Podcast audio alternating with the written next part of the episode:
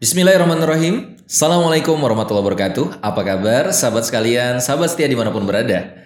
Perkenalkan saya Setiap Furqan Holid. Terima kasih Anda sudah menyimak channel YouTube ini dan juga podcast ini ya.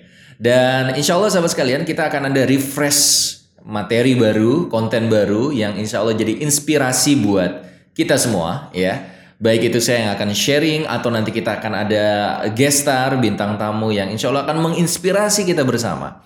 Dan tema kita yang akan menarik dengan satu tagline yang kita akan ajukan yaitu tentang life hack for millennial. Semuanya nih pasti asik. Ngomongin tentang love gitu ya, ngomongin tentang married, ngomongin tentang bisnis, karir, traveling, ya, parenting.